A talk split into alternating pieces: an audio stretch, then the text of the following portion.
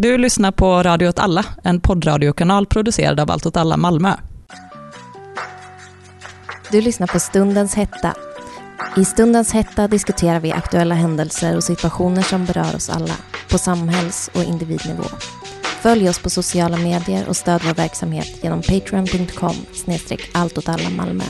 Du lyssnar på Stundens hetta. Det här blir återigen en typ av specialare vi har specialat sönder den senaste tiden. Men det är för att det händer väldigt mycket speciala saker. Jag heter Kalle och med mig på länk så har jag Anna. Hej. Och eh, Myran. Hallå, hallå! Eh, men det vi ska prata om idag är det amerikanska valet och just nu är det alltså fredag den 6 november. Men, men ska vi börja med lite snabba nyheter? Man kan väl till att börja med säga att den här andra vågen av corona håller verkligen på att eh, eh, korsa över Europa och resten av världen. Det växer fortfarande jättemycket i Brasilien men också i Milano eller Italien så är det lockdown nu, eller hur Anna?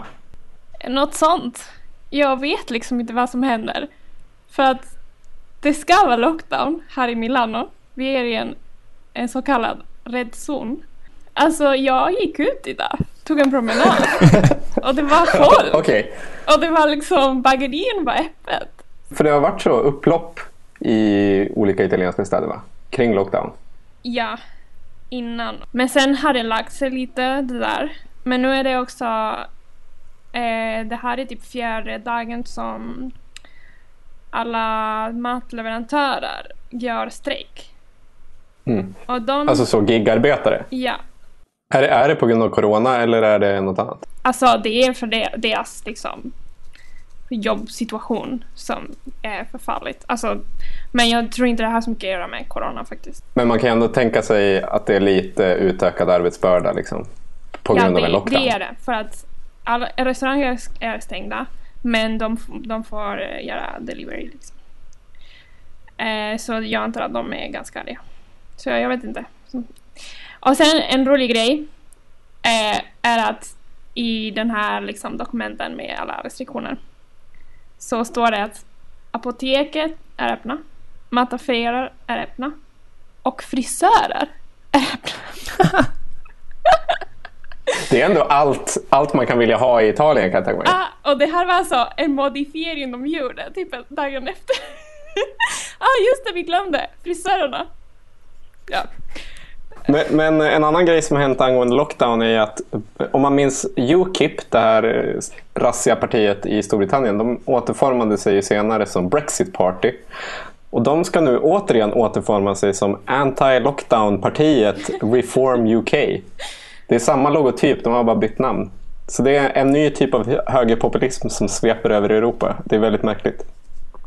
Men en annan grej som har hänt är ju att eh, det här antiabortsförslaget som skulle eh, läggas fram i Polen har dragits tillbaka till följd av så enorma protester, flera hundratusen personer ute på gatorna.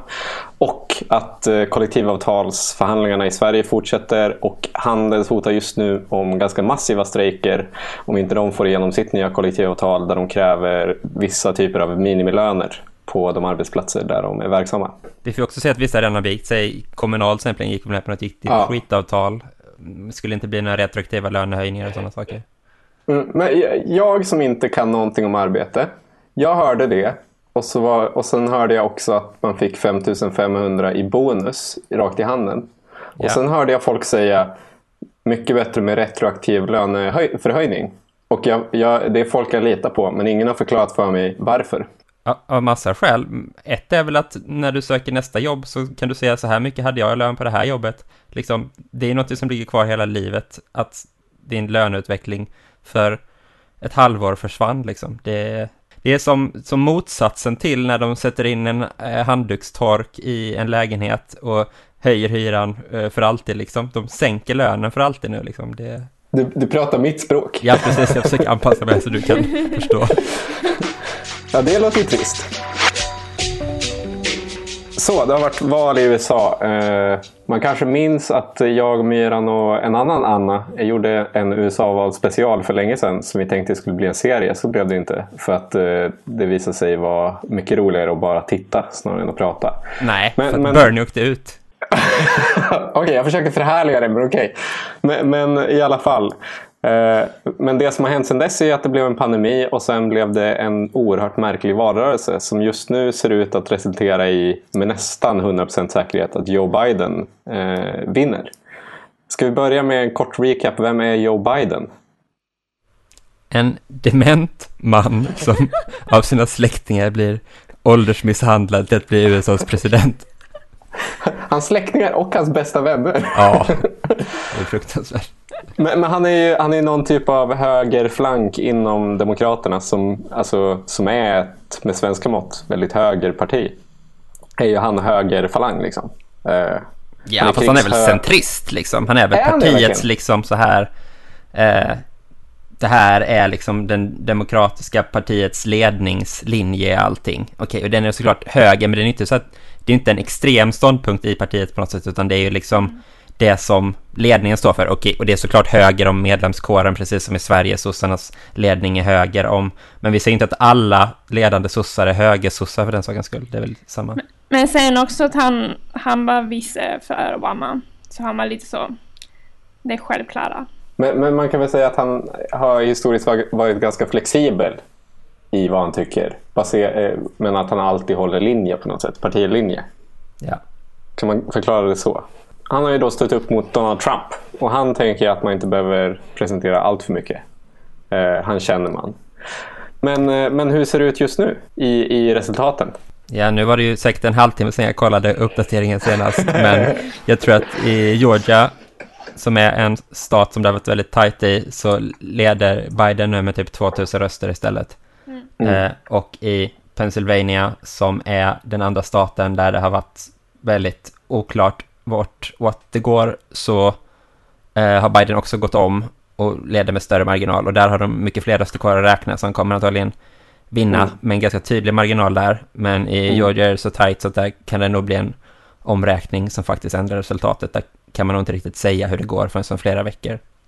Det ser ut som att han vinner allt som är kvar förutom North Carolina. Och, och att han kommer få tillräckligt för att liksom vinna allt. Vad kan man säga? För Donald Trump har ju samtidigt också pratat jättemycket om att han inte, att han inte köper det här valresultatet. Eh, vad kan man säga om det? Hur, hur ser hans möjligheter ut för att liksom stoppa, stoppa Joe Biden från att vinna? För han menar ju att de här poströsterna som burit Joe Biden ganska mycket, att de är fejk allihopa. Men hur stora är hans chanser till att faktiskt göra, eh, liksom, skjuta ner den amerikanska kvasidemokratin? Jag skulle säga noll. Jag tror inte det är hans mål heller. Alltså att han säger det är inte för att han vill kuppa det här. Det är för att han kan liksom inte... Eh, för att hela hans retorik liksom faller om han liksom bara erkänner att det, han har förlorat liksom det hade ju byggt på någon situation kanske då att han skulle vinna alla de här andra staterna utom Pennsylvania och så skulle det kunna dras i domstol för att där har de ändå den här kanske lite mer tveksamma juridiska situationen med att ifall de ska tillåta de här poströsterna som kommit sent eller inte och så. Men det finns ju liksom ingen motsvarighet på de andra ställena och Trump måste ju vinna i princip alla de här staterna som inte är färdigräknade. Och så, så länge han inte gör det, har inget case, han kommer inte få någon backning av resten av Republikanska partiet. Så det finns liksom ingen chans. Då, då är det ju verkligen det här typ, nu får han bara uppmana folk till väpnat motstånd i sådana fall. Och jag menar, man kan inte riktigt räkna ut någonting med honom, för han är ju tokig liksom. Men jag tror verkligen inte heller på någon sån utveckling. Men, men det tycker jag är jätteintressant att han inte riktigt får något stöd från partiet. Hans, hans son Donald Trump Jr. Han, han gick till och med ut och uttalade sig att, så, att alla de här som tänker att de ska försöka ställa upp i presidentvalet 2024, de så kallade Republican Hopefuls, eh, att, att de är tysta just nu kommer betyda att de är helt chanslösa för de tappar så mycket legitimitet. Så även liksom inom Trump-rörelsen så har man känt av en så avsaknad av stöd från partiet. Vad kan det egentligen bero på? Men eh, jag, alltså, han har liksom inte haft generellt. Alltså, alltså det, det känns inte som att i de senaste liksom, fyra åren har han haft så mycket alltså, politiskt stöd på det sättet. Det är mer som att folk har bara gått med för att, men inte aktivt. Alltså det finns väl några liksom, som ändå, alltså till exempel Lindsey Graham som var väldigt kritisk i början har ju vänt och han har väl varit en av de som varit ute nu och snackat om valfusk och sådana saker också liksom. Men jag tror alltså, det är också så när det är uppenbart att han kommer förlora, det är väl ingenting, ingen som vill liksom hålla på honom längre då, då går man ju ner med honom. Nu gäller det ju att lämna det sjunkande skeppet liksom. Det är inte så konstigt. Ja, alltså äntligen. Det har inte gått eh, så dåligt för honom. Alltså det har gått jättebra. Ja, det, är oerhört jämnt liksom. Ja. Det borde det inte vara under en pandemi. På ena, ena hållet kan man säga det, andra, andra sättet man kan säga det är att ekonomin går bra för en president som redan sitter. En sittande president, när ekonomin går bra, ska ju alltid vinna valet. Det är liksom, det är ju ett A i amerikansk liksom, politik så. Så å andra sidan så är det ju på grund av hans extrema liksom, karaktär och slumpmässig hantering av corona och så som han faktiskt förlorar det här trots allt liksom. Så det, Mm. sett från andra hållet så, så är, har han ju lyckats klanta bort någonting som han borde ha klarat liksom. Ja. Men, men det, det, det är spännande att tänka hur nästa val kommer se ut. Jag vet att det är jättekonstigt att ta upp det redan nu. Men det är, det är ändå ett intressant, en intressant fråga. Liksom. Hur, vad händer de nästkommande fyra åren och hur ser nästa val ut? Fråga ett, kommer Joe Biden leva om fyra år? Hur gammal är han? Är han 77 eller? De, de kommer att transplantera hans hjärna in i en så här flygande, vad heter det, eh, drönare som kommer liksom sväva över bordet i eh, Men alltså, Office liksom. det är just hjärnan som är fel. Ah, Det är bara ett bultande hjärta, ett hjärta som älskar glass. Eh, Men, men en annan fascinerande liksom, dynamik i det här valet har ju varit att, att samtidigt, för eh, amerikanerna gillar att slå ihop flera val. De tycker att det är smidigt. Det, det är väldigt smart. Om du, om, och eftersom att de har ganska många liksom, folkomröstningar i sina stater lite hela tiden så, så gillar de att slå ihop dem tillsammans med val, liksom, presidentvalet för att utöka liksom, deltagandet i folkomröstningarna. Så bland annat i Kalifornien så såg vi en lag eh, som, som togs fram för att aktivt bemöta liksom, gig-ekonomi-problematiken. Att man försökte tvinga Uber och andra liknande företag att anställa de som jobbar åt dem istället för att de ska vara så kallade självanställda. Och, och det hade såklart fört med sig mängder av eh, förbättringar för deras arbetsmiljö. Typ att de får en minimilön och att de får eh, eh, eh arbetsförsäkringar och sånt. Eh, men det sköts ner och det är alltså en, en stat där Demokraterna röstades igenom så extremt hårt.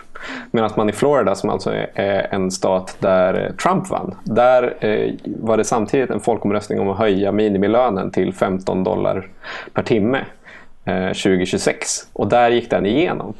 Det är en konstig dynamik. Hur kan man förklara det? Alltså Kali- den kaliforniska lagen kan man förklara med att det var typ historiens största valkampanj. Eh, Så här, alltså att de betalade hur mycket pengar som helst för att lobba för att det skulle bli, eh, att, att den lagen skulle gå igenom. Så det är väl inte så.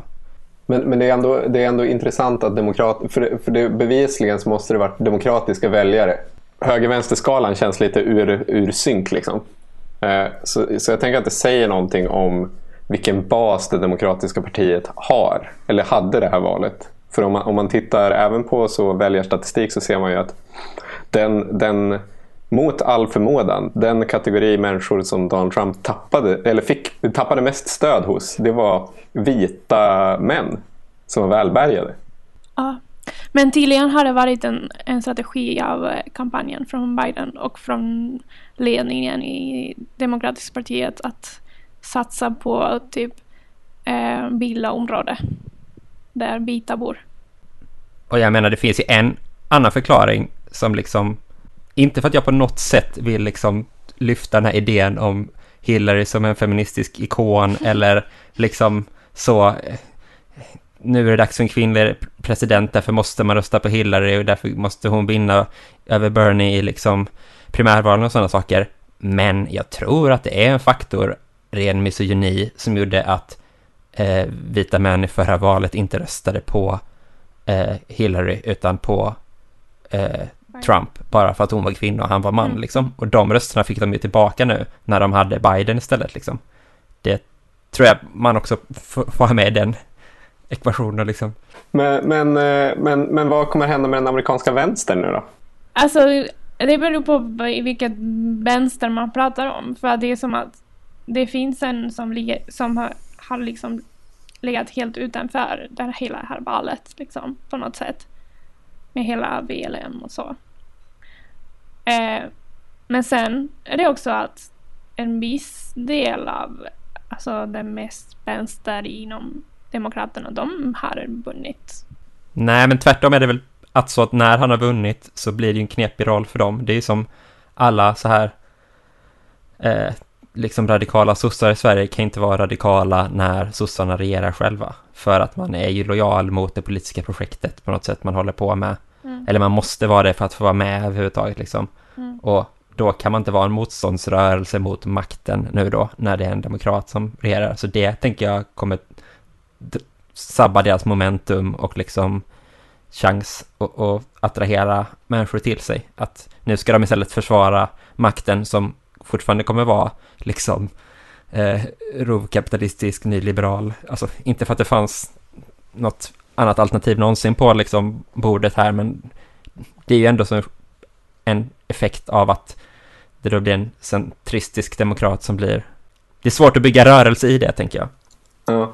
Framförallt så tänkte jag på det för att så men, en av de, de eh, vänstertendenser som har varit liksom viktigast, så vitt jag har förstått, i liksom hela denna varelse, både för Bernie men också nu så här för Joe Biden. Det är konstigt nog är klimatrörelsen som har styrt upp jättemycket. Alltså så, för Joe Biden var fruktansvärt dålig på att mobilisera så kallat ground game om man ska snacka så politiknördsnack. Så knacka dörr och dela ut flygblad och ringa samtal grejen. Joe Bidens kampanj var fruktansvärt dåliga på det. Så då var det olika klimatrörelser i så Georgia och Pennsylvania som styrde upp det själva. Och de två staterna är sådana som nu är de viktigaste i, i den här valrörelsen. Och, och då pratar man om Sunrise Movement kanske framförallt. Och de verkar ju gå emot liksom, sitt egentligen mardrömsscenario just nu. Där du har en senat som styrs av republikaner som kommer blockera alla försök till att reglera liksom, eh, fossilkapitalet. Inga som helst skattehöjningar, inga som helst regleringar. Men de får en president som samtidigt är väldigt mån om att så kallat boosta liksom, den gröna tillväxten. Och det är liksom det värsta av två världar. För då har du ju liksom ett fossilkapital som får bidrag för saker samtidigt som den inte får några regleringar. Och det tänker jag, alltså, på så sätt så tänker jag att det här också kan vara total katastrof. Men, men, men en annan grej som har hänt är ju, är ju att den här liksom parlamentsvändningen inom vänstern i USA verkar ju ändå gått framåt lite. För nu har till exempel personer som Cory Bush som är en gammal Ferguson-organisatör, alltså Black Lives Matters original, har kommit in i kongressen. 30 jag tror det är typ 25-26 representanter från DSA, alltså Democratic Socialists of America, har eh, fått olika poster också. Vad, vad, kan man säga om, om den utvecklingen? För samtidigt som vi har den här utvecklingen på gatan så sker det också den utvecklingen parallellt. Hur, hur kan man tänka kring möjligheterna för dem i framtiden? Alltså jag är ju ganska pessimistisk inför projekt som satsar på att ta parlamenten. Liksom. Mm. Jag tänker mest att det handlar om att det, det, är liksom en struktur som rekupererar kamper och nu har man liksom istället för att göra andra saker har man sett till att få in sina kandidater i parlamentet. Där kommer de harva runt, säkert få igenom en del förslag eller så.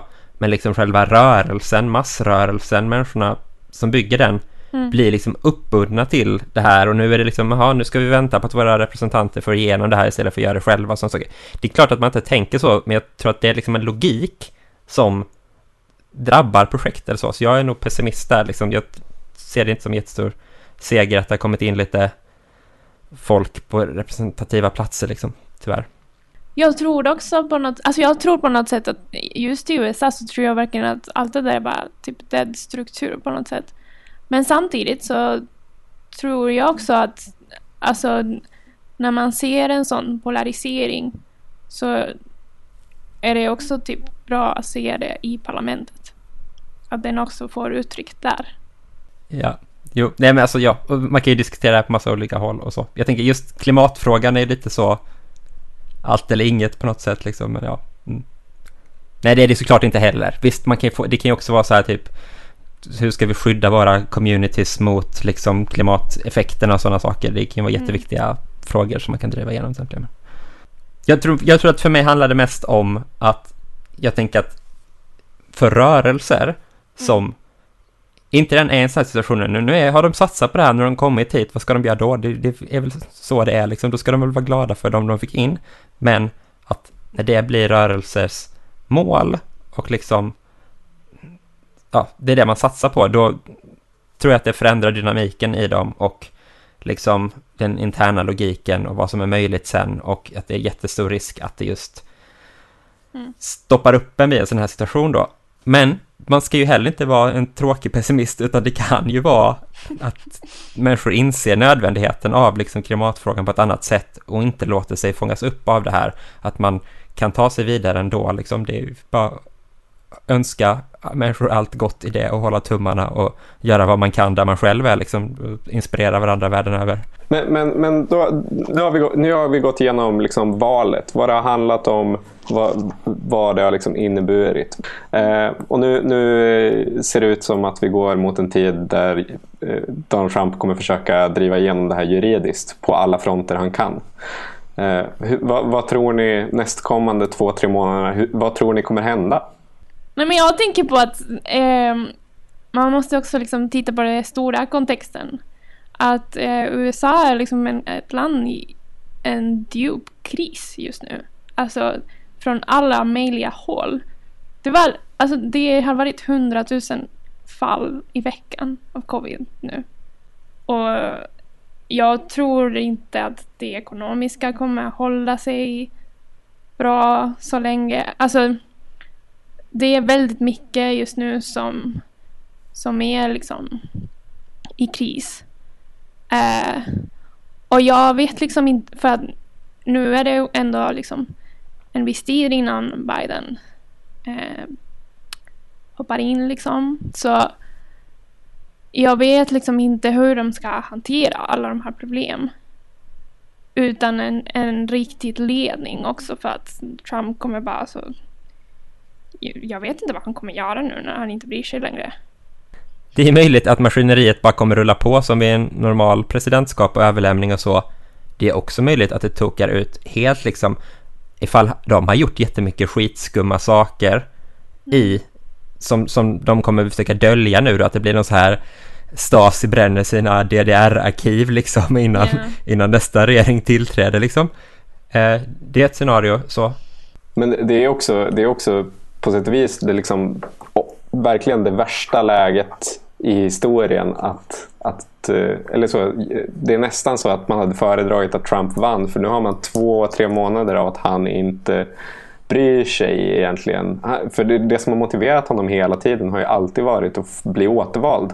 är den känslan man har fått liksom, i all politik han har bedrivit. Han har ju gjort så riktade satsningar eh, under sin tid som president mot specifika väljargrupper. Bara för att bli, eh, vinna igen. Och det, det är någonting alla gör såklart. Men ingen har ju gjort det så liksom, offentligt som han har gjort det.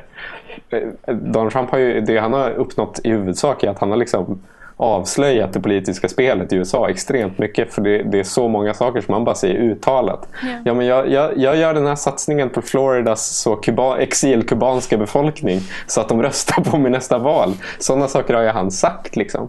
Och, och när han inte har den, den, eh, den moroten kvar och man samtidigt har en pandemi där det idag smitt, eh, så är det 160 106 000 bekräftade fall bara idag i USA. Och vi är uppe i 232 166 döda sammanlagt. Det är, inte, det är ett riktigt läskigt läge att ha en person som inte riktigt har, har någon anledning att ta ansvar i, högst upp. Liksom. Så det kan bli väldigt eh, märkligt. Liksom. Jag, jag vill bara säga apropå det där med corona, jag tycker det är intressant eh, och ekonomin liksom. För en möjlighet som jag bara bollar lite med är ju att när man prövar det här krisstödet i corona så bara upptäckte man att det finns liksom den här New Modern Money-teorin liksom, att man bara kan trycka pengar och kötta ut ekonomin och det gör ingenting. Att man bara upptäckte att det faktiskt funkar. Så att vi kan liksom ha en helt ny paradigm av liksom statsfinans, eh, liksom för att det, så här, corona ledde ju till liksom en jättebörskrasch och så och så var man bara, och inte bara det utan också att framförallt att alla verksamheter stängde ner och så, och så var det risk för att det skulle bli jättemycket konkurser och så, och då bara var staten så, nej nej, alla medborgare får 10 000 spänn, eller vad det nu var, direkt på ett bräde så. Vi ger massa krisstöd till olika företag och så. Mm. Och då finns det ju liksom ekonomiska teorier som säger, gör man det så kommer det bli jättemycket inflation, så därför får man aldrig göra det så här. Och det är som någon sorts restriktiv ekonomisk politik. Och så gjorde man det ändå för att nu är det ju kris, nu måste vi pröva det här. För vi har inget val liksom. Och så verkar det bara ha funkat bra. Mm. Och det har inte blivit en, någon inflation eller någonting. Så det är möjligt att man då bara märker okej, okay, vi kan bara fortsätta göra det här. Så, så det är ju ett, alltså, intressant att tänka på att det skulle kunna bli ett sånt skifte i liksom, ja, ekonomin. Men eh, okej, okay, jag har funderat på en sak. Att eh, senaste tiden eh, det har varit många val som har slutat med sådana här resultat. Där man också sitter och väntar för att det är verkligen 50-50. Och jag, jag, tänker att det, det handlar om den här eh, stor polarisering som finns. Och kanske också att Bal har fått lite annan roll i politiken idag. Det har också varit eh, större mm, deltagande. Alltså det, det är liksom två elementer som kommer tillsammans. Större deltagande och mer eh, tajta resultat. Och då tror jag typ att det är på någon, någon slags eh, vilja att, att bara eh, göra någon slags statement. Typ. Att, att man mm. måste liksom positionera sig på ena sidan eller den andra. Och eh, det liksom handlar inte om politiska projekt för det är det jag känner var så stark med den här valkampanjen. Att det, det fanns liksom ingen politiskt projekt för att Trump har ingen politiskt projekt. Och då handlar hela valet endast om att positionera sig. Om vilken sida står jag på. Och det tror jag är någonting man ser i andra länder också. Att det är inte bara Trump som har skapat det eller så. Det är en, någonting som återkommer. Det är liksom konflikt mellan värderingar på något sätt som blir det definierande istället för mm. val mellan politiska projekt. Liksom. Ja. Men, men, man såg ju till och med i vallokalsundersökning från USA så var det 47 procent av de som röstade på Joe Biden sa att det huvudsakliga syftet var att de var emot Donald Trump. Och, och det är otroligt många. Ja. Eh, men, men jag tror att Alltså jag tror, eh, att, att säga att det handlar om att positionera sig i värderingar, det tror jag typ är att ta i för mycket. Jag tror att det är mer basalt än så. Jag tror att det bara handlar om att positionera sig, punkt. Att, att så... Att, att om man, eh, man mm. talar... Eh, ett av mina favoritbegrepp som jag pratat om mycket den senaste tiden för att det känns så jävla aktuellt, det är negativ solidaritet. Och, och negativ solidaritet är eh, att du ser någon annan som får någonting som du känner dig eh, berättigad till eller som du själv redan har men du, som du känner att ditt ägande av det är hotat och att du då vill sätta dit den, att du vill hämnas. Och det känns så sjukt närvarande, i, i, även i det här valet. Men, eh, alltså från båda hållen känns det oerhört närvarande. Att det är så demokratiska väljare som känner att deras liksom, makt, deras liksom, kulturella eller så sociala makt är hotad av de här plebejerna, Trump-deplorable-människorna. Eh, att då, nu är det de som styr landet. Usch fy fan, de är jävla obildade smuts. Liksom. Och sen från det andra hållet så har du liksom, eh, nu kommer det massa mexikaner och tar mitt jobb. Den tendensen. Uh, men jag tror också att det handlar om att, alltså att man, man är så, eh, man har så lite makt liksom. Att den, en, den enda tillfället man har är liksom det här. Och då, och då vill man göra statement och då vill man inte... Man vill sätta dit ja, någon? Liksom. man vill sätta dit någon. Man ska inte bara resta på... Kan vi se en, någon sorts liksom potential i den här situationen då? Att det är så liksom eh, hopplöst eh, på något sätt i vardagen, att man vill kanalisera det i något liksom antiprojekt. Man, för man får drömma lite skulle man kunna tänka sig att man istället skulle då kunna mobilisera mot meningslösheten i liksom samtiden i sig och inte, och inte bara mot varandra liksom. Ja. Men jag tänker att det verkligen är liksom det politiska projektet som man vill bygga är just liksom projektet för projektet. Om man, om man ska säga så. Alltså just att återuppbygga möjligheterna till att känna hopp. och, och vilja någonting annat än att citat sätta dit någon. Liksom. Och att vi, vi bryr oss inte om varandra. Och att det är, jag tror det är lite det projektet man, man vill också. Man vill att folk ska bry sig om någonting. Ja, för det tyckte jag, alltså det har jag alltid tyckt skavt när folk har kallat Trump och Trump-rörelsen för fascister. Även om det har funnits så många sådana element i det. Men det, jag har alltid i huvudsak förstått dem som så totala nihilister. Framförallt inom den här alt-right-svängen. Mm. Den som på pappret är mest nassar. Känns som mest liksom, totalt yeah. amoralisk. Bara ute efter att liksom så sätta dit någon och liksom bara leva rövare. För det är en så internettroll-logik de har agerat utifrån. Mycket, mycket mer än någon så klassisk fascistisk logik av att försöka skapa makt och liksom disciplinera andra. Så har det ju mycket mer varit så, eh, fuck normisarna, nu ska vi lolla liksom. För det finns en hel, alltså det, det känns som att varje gång Trump gör någonting, det, svaret är hur han kan ha mm. gjort det här igen? Typ, oj, eh, och nu har han sagt det här. Och det är liksom men det är det som är poängen. Alltså, att det spelar ingen roll. Det, det är, alltså, han kan säga vad fan som helst. Alltså det, det är liksom... Det är inte där diskussionen ska vara. Om att nu ska han sagt det här eller den andra saken. Det är just om att han säger vad som helst. Han gör vad som helst. Alltså det, det finns ing, alltså ingen bryr sig om någonting. Alltså han pratar från liksom eh, alltså som sittande president och, och säga att man ska sluta räkna rätt. Alltså det är helt löjligt. Så, det, så det, det, handlar inte om det specifikt, det är bara hela liksom, situationen är... Men man kanske ska säga det att vi alla har en osund kärlek till Donald Trump också. Som jag tycker ändå att man borde nämna. För för jag tycker, jag tycker just den grejen, att han så totalt skiter i allt, tycker jag ändå är en så jävla fascinerande grej.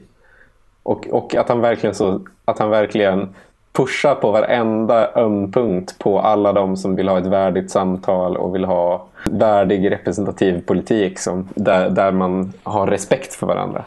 Det, motsatsen till det är också att man är lite ledsen nu för att alla de här jävla smug liberalerna kommer vara så nu har godheten segrat, hurra! Biden kommer leda oss in i bla bla, man bara håll käften, fatt, alltså mm, så här. Mm. Uh, jag, det är liksom, nu tycker jag såklart det är mindre värt att jag är frustrerad över dryga amerikanska liberaler än att liksom fascismen i USA stärks liksom. Det, mm. det får man väl... Jag är ändå nöjd med det här valresultatet i någon utsträckning liksom. Så, men det är ju bättre när Trump havererar sönder en presidentdebatt liksom för att det visar vilket jävla skådespel, yeah. pajas det är liksom. Det är det man gillar. Ja, på något sätt. Det var det du sa, Kalle, om att han, han är så uppenbar med att allt det här är liksom bara ett spel. Min, min bästa Donald Trump min bästa Donald Trump-grej den här valkampanjen det är att han så tydligt har fått så direktiv från, från så kampanjstrateger. Okej, okay, vi, vi märker att vi har ett lite lite stöd i den här väljargruppen. Låt oss bygga vidare på det. Då går han upp och har en presskonferens och han säger Jag älskar den här väljargruppen. Ni är min bästa väljargrupp. så typ, hans, det är så extremt tydligt att hans strateger har sagt så. Vi behöver fler, satsa på senior citizens. Så går han upp och är så. I love senior citizens. You're my favorite group of people. Och det är bara, det är, för honom så är det så självklart att det kommer funka. Och det gör det. För, för man älskar den ärligheten. Jo, men jag tänkte också på en sak du sa här eh, förut om att om fyra år ifall Biden ställer upp igen. Jag tror inte det. Jag tror att han är död om fyra år och att Kamala Harris har tagit över som president liksom under den här eh, perioden. Mm. Alltså, han är ju redan så att han håller på att trilla omkull när han står upp och ska hålla tal liksom. Det är väl en av de mest slitsamma grejerna man kan göra i världen att vara president liksom. Det borde han, han borde coola av det liksom. Och hon är ju så jävla presidential, får man ändå säga. Ja. Jag, jag vi snackade om det, jag och någon kompis här sa så här, ifall det hade varit liksom West Wing och Kamala Harris hade kommit in och eh, liksom bara kört rollen som vicepresident som tar över när president Biden blir kidnappad och eh, de typ, eh, vi vill ha han, vi vill ha en lösensumma, hon bara We don't negotiate with terrorists, alltså man kan verkligen se liksom så här, hon blir extremt presidential i liksom Man, man kan se framför sig att, det, att det, i den säsongen av det här fiktiva West Wing så kan det vara så att, att Kamala Harris ska vara en temporär karaktär men fansen gillar henne för mycket. Så slutar det med att hon blir Ja. president. Och det är ju också trist när man då vet att hon har varit den här åklagaren som typ ägnat hela sin karriär åt att bara sätta dit fattiga människor och sådana saker liksom. Eh, Så det, det är ju liksom som Margaret Thatcher. Alltså hon är lite Hillary-figur typ. Fast hon är charmig. Så jävla charmig Ja. är hon faktiskt inte. Jag gillar inte Kamala Harris alls. Jag, har alltid tyckt att hon är lite läskig. Hon känns också otroligt kalkylerad. Liksom. Alltså jämfört med Hillary. Ja, Alltså, ja, alltså, okej, jo. Hillary Kom igen. Clinton är kanske den läskigaste människan jag vet. Men, men eh, jag skulle, ja. Man bara väntar på att hon ska dra av sig den här människomasken och så ödlan men, men alltså... Men, men det är ju, jag tycker det är läskigare på något sätt då med någon som... Okej, och kanske, hon kanske inte är världens charmigaste, men just det att man... Som Obama liksom på ett sätt. Ja, ja. Att hon, hon är liksom smart och snabb och trevlig och liksom proper på något sätt. Mm. Bidens så här typ okammade vita gubbhår som sticker ut konstigt bak på huvudet och hon har så, så här perfekt liggande liksom Ja, det är sant. fix, fixat liksom så. Och, ja, Det är helt jag, sant. jag bara tänker att hon kan bli sån eh, ikonisk president då som liksom bara har jättestor cred världen över och så. Men då bedriver riktigt rövig politik i delar. Precis som Obama då med drönarbomba eh, fattiga eh, människor världen över liksom. Mm. Men, men man kan ju också tänka sig ett scenario där Joe Biden inte dör men ändå lämnar över till Kamala Harris. Det, det tänker jag är egentligen mer troligt, men Ja, det tänker ja. jag är nästan är det mest troliga. Mer troligt än att han själv ställer upp om fyra år. Liksom. Ja. För, att, för att han är ju Ja, men han, är ju gaggig liksom. Om man tänker på ett sätt nu tänker man så här, okej, nu har vi haft de här crazy fyra åren, nu kommer en så här centristisk demokratisk kandidat, då kommer det gå tillbaka till det normala så liksom. Men, å andra sidan kan man ju verkligen se det här då att nu är Pandoras box öppnad, nu kan det liksom aldrig återgå till det normala. Och lite jag tänker med det är att det finns ju ändå någon sorts föregångare till Trump i Berlusconi. Så. Det är liksom den här tv-personen tar över liksom bygger om sin tv-grej till att bli liksom president och så bara beter sig helt så utanför boxen vad man som politiker får göra superkorrupt, super mycket märkliga skandaler och sådana saker men blir ändå omvald hela tiden på liksom dels shady grunder men dels också att han appellerar till den här populistiska och så jag är inte en del av det här liksom Mm. etablissemanget fast han är det och sådana saker. Och sen tänker jag att italiensk politik efter det har ju varit återkommande med sådana här, alltså femstjärnerörelsen och sånt är väl lite så i bakvattnet ändå så på något sätt. Beppe Grillo som startar Femstjärnerörelsen, han är ju komiker. Så jag menar, kan man tänka, tror ni, på något sätt så att det är liksom den framtiden vi har för USA nu då i de nästkommande valen, liksom nya utspejsade rörelser har ett nytt utrymme i och med att Trump har öppnat upp det nu liksom. Men, men alltså, jag kan ju verkligen se framför mig en utveckling där amerikansk politik blir mer och mer spektakel. Eh, för, för- de har ju verkligen har ju det i sin kultur också. Man, man vill inte vara, jag vill inte vara alltör liksom, psykologiserande kring det amerikanska folkväsendet. Men det, de gillar ju spektakel. Det är därför man gillar USA. Eh, typ att Kanye West ställde upp det här valet. är också Ja, en sån Ja. grej. Och, sen, och han, han gjorde ju det för att han är lite galen. Och, och liksom galen på ett sätt som inte är politiskt gångbart. Men jag kan ju verkligen se framför mig hur någon som är lika galen men kanske lite mer politiskt gångbar kan jag, satsa på samma grej. Liksom. Det var ju mycket snack om att Oprah Winfrey skulle ställa upp som demokratisk kandidat det här valet. Liksom. Sådana saker kan jag verkligen tänka mig. Det kan jag också verkligen tänka mig är, kommer bli ett sätt att hantera en, en, en vänstervåg som jag ändå kan se framför mig kan skölja över Demokraterna igen nästa val. Jag, jag tror inte att de kommer bli av med det, att, att de har en så stor liksom, vänstertendens bland unga väljare i, till sitt parti. Jag tror inte de kommer bli av med det. Liksom. Jag tror att det kommer bara fortsätta och fortsätta tills de till slut vinner. Och huruvida de vinner presidentvalet eller inte kommer liksom make or break den grejen. Men, men jag kan verkligen tänka mig att en Oprah Winfrey personlighet kan vara en slägga för att slå sönder en sån grej. Det behöver inte vara Oprah Winfrey, det kan också vara Ellen DeGeneres eller något sånt. Förutom det här spektakelgrejen, alltså det, det lilla jag vet om italiensk politik, så känner jag mycket att det, det, liksom, det har blivit liksom mycket av en, av en maskineri också och att man liksom vet, in, alltså man vet typ inte eh, vilken, vilken ståndpunkt de har om ingenting, typ. Alltså regeringen. Um, som då är det här partiets, vad heter Femstjärnerörelsen? Ja. Att det, de har liksom ingen linje. De liksom, de tar beslut. Och de, de, kan, de kan motsäga varandra. Alltså, för att det, det handlar inte om det. Så. Det, alltså det är egentligen en annan podd, men jag tycker Femstjärnerörelsen är en fantastiskt intressant grej. För de är ju, de är ju ett icke-parti, typ. Ja, precis. Alla deras beslut i stort sett går inte genom en partistyrelse utan deras stora strategiska beslut går igenom så en app typ. Där, de, där deras medlemmar fattar beslut. Och det kan ju låta jätteball. Ja. Men i praktiken så är det helt jävla fruktansvärt. Det är som att ha en Facebookgrupp som ska styra landet. Liksom. Sniff sniff, it's pure populism. ja, exakt.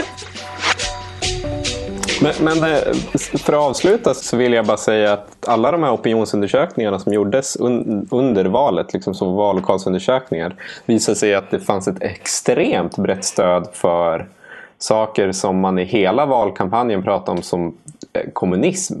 Alltså från båda kampanjer så pratar man om så, eh, att sjukvården borde vara offentligt, eh, i offentlig förvaltning som i resten av världen. Bara 77 procent av de som gick och röstade ville det. Liksom. Eh, majoriteten ville höja minimilönen, majoriteten ville satsa, eh, liksom sanktionera fossilkapitalet. Så alla de här grejerna, det finns redan en bas för det. Det är bara det att ingen riktigt lyckats förvalta den. Varken Bernie eller någon annan. Och det är ju intressant. Och inte heller någon rörelse verkar riktigt kunna förvalta den heller. Så, vi är, vi är klara. Eh, spännande har det varit eh, och spännande kommer det nog bli.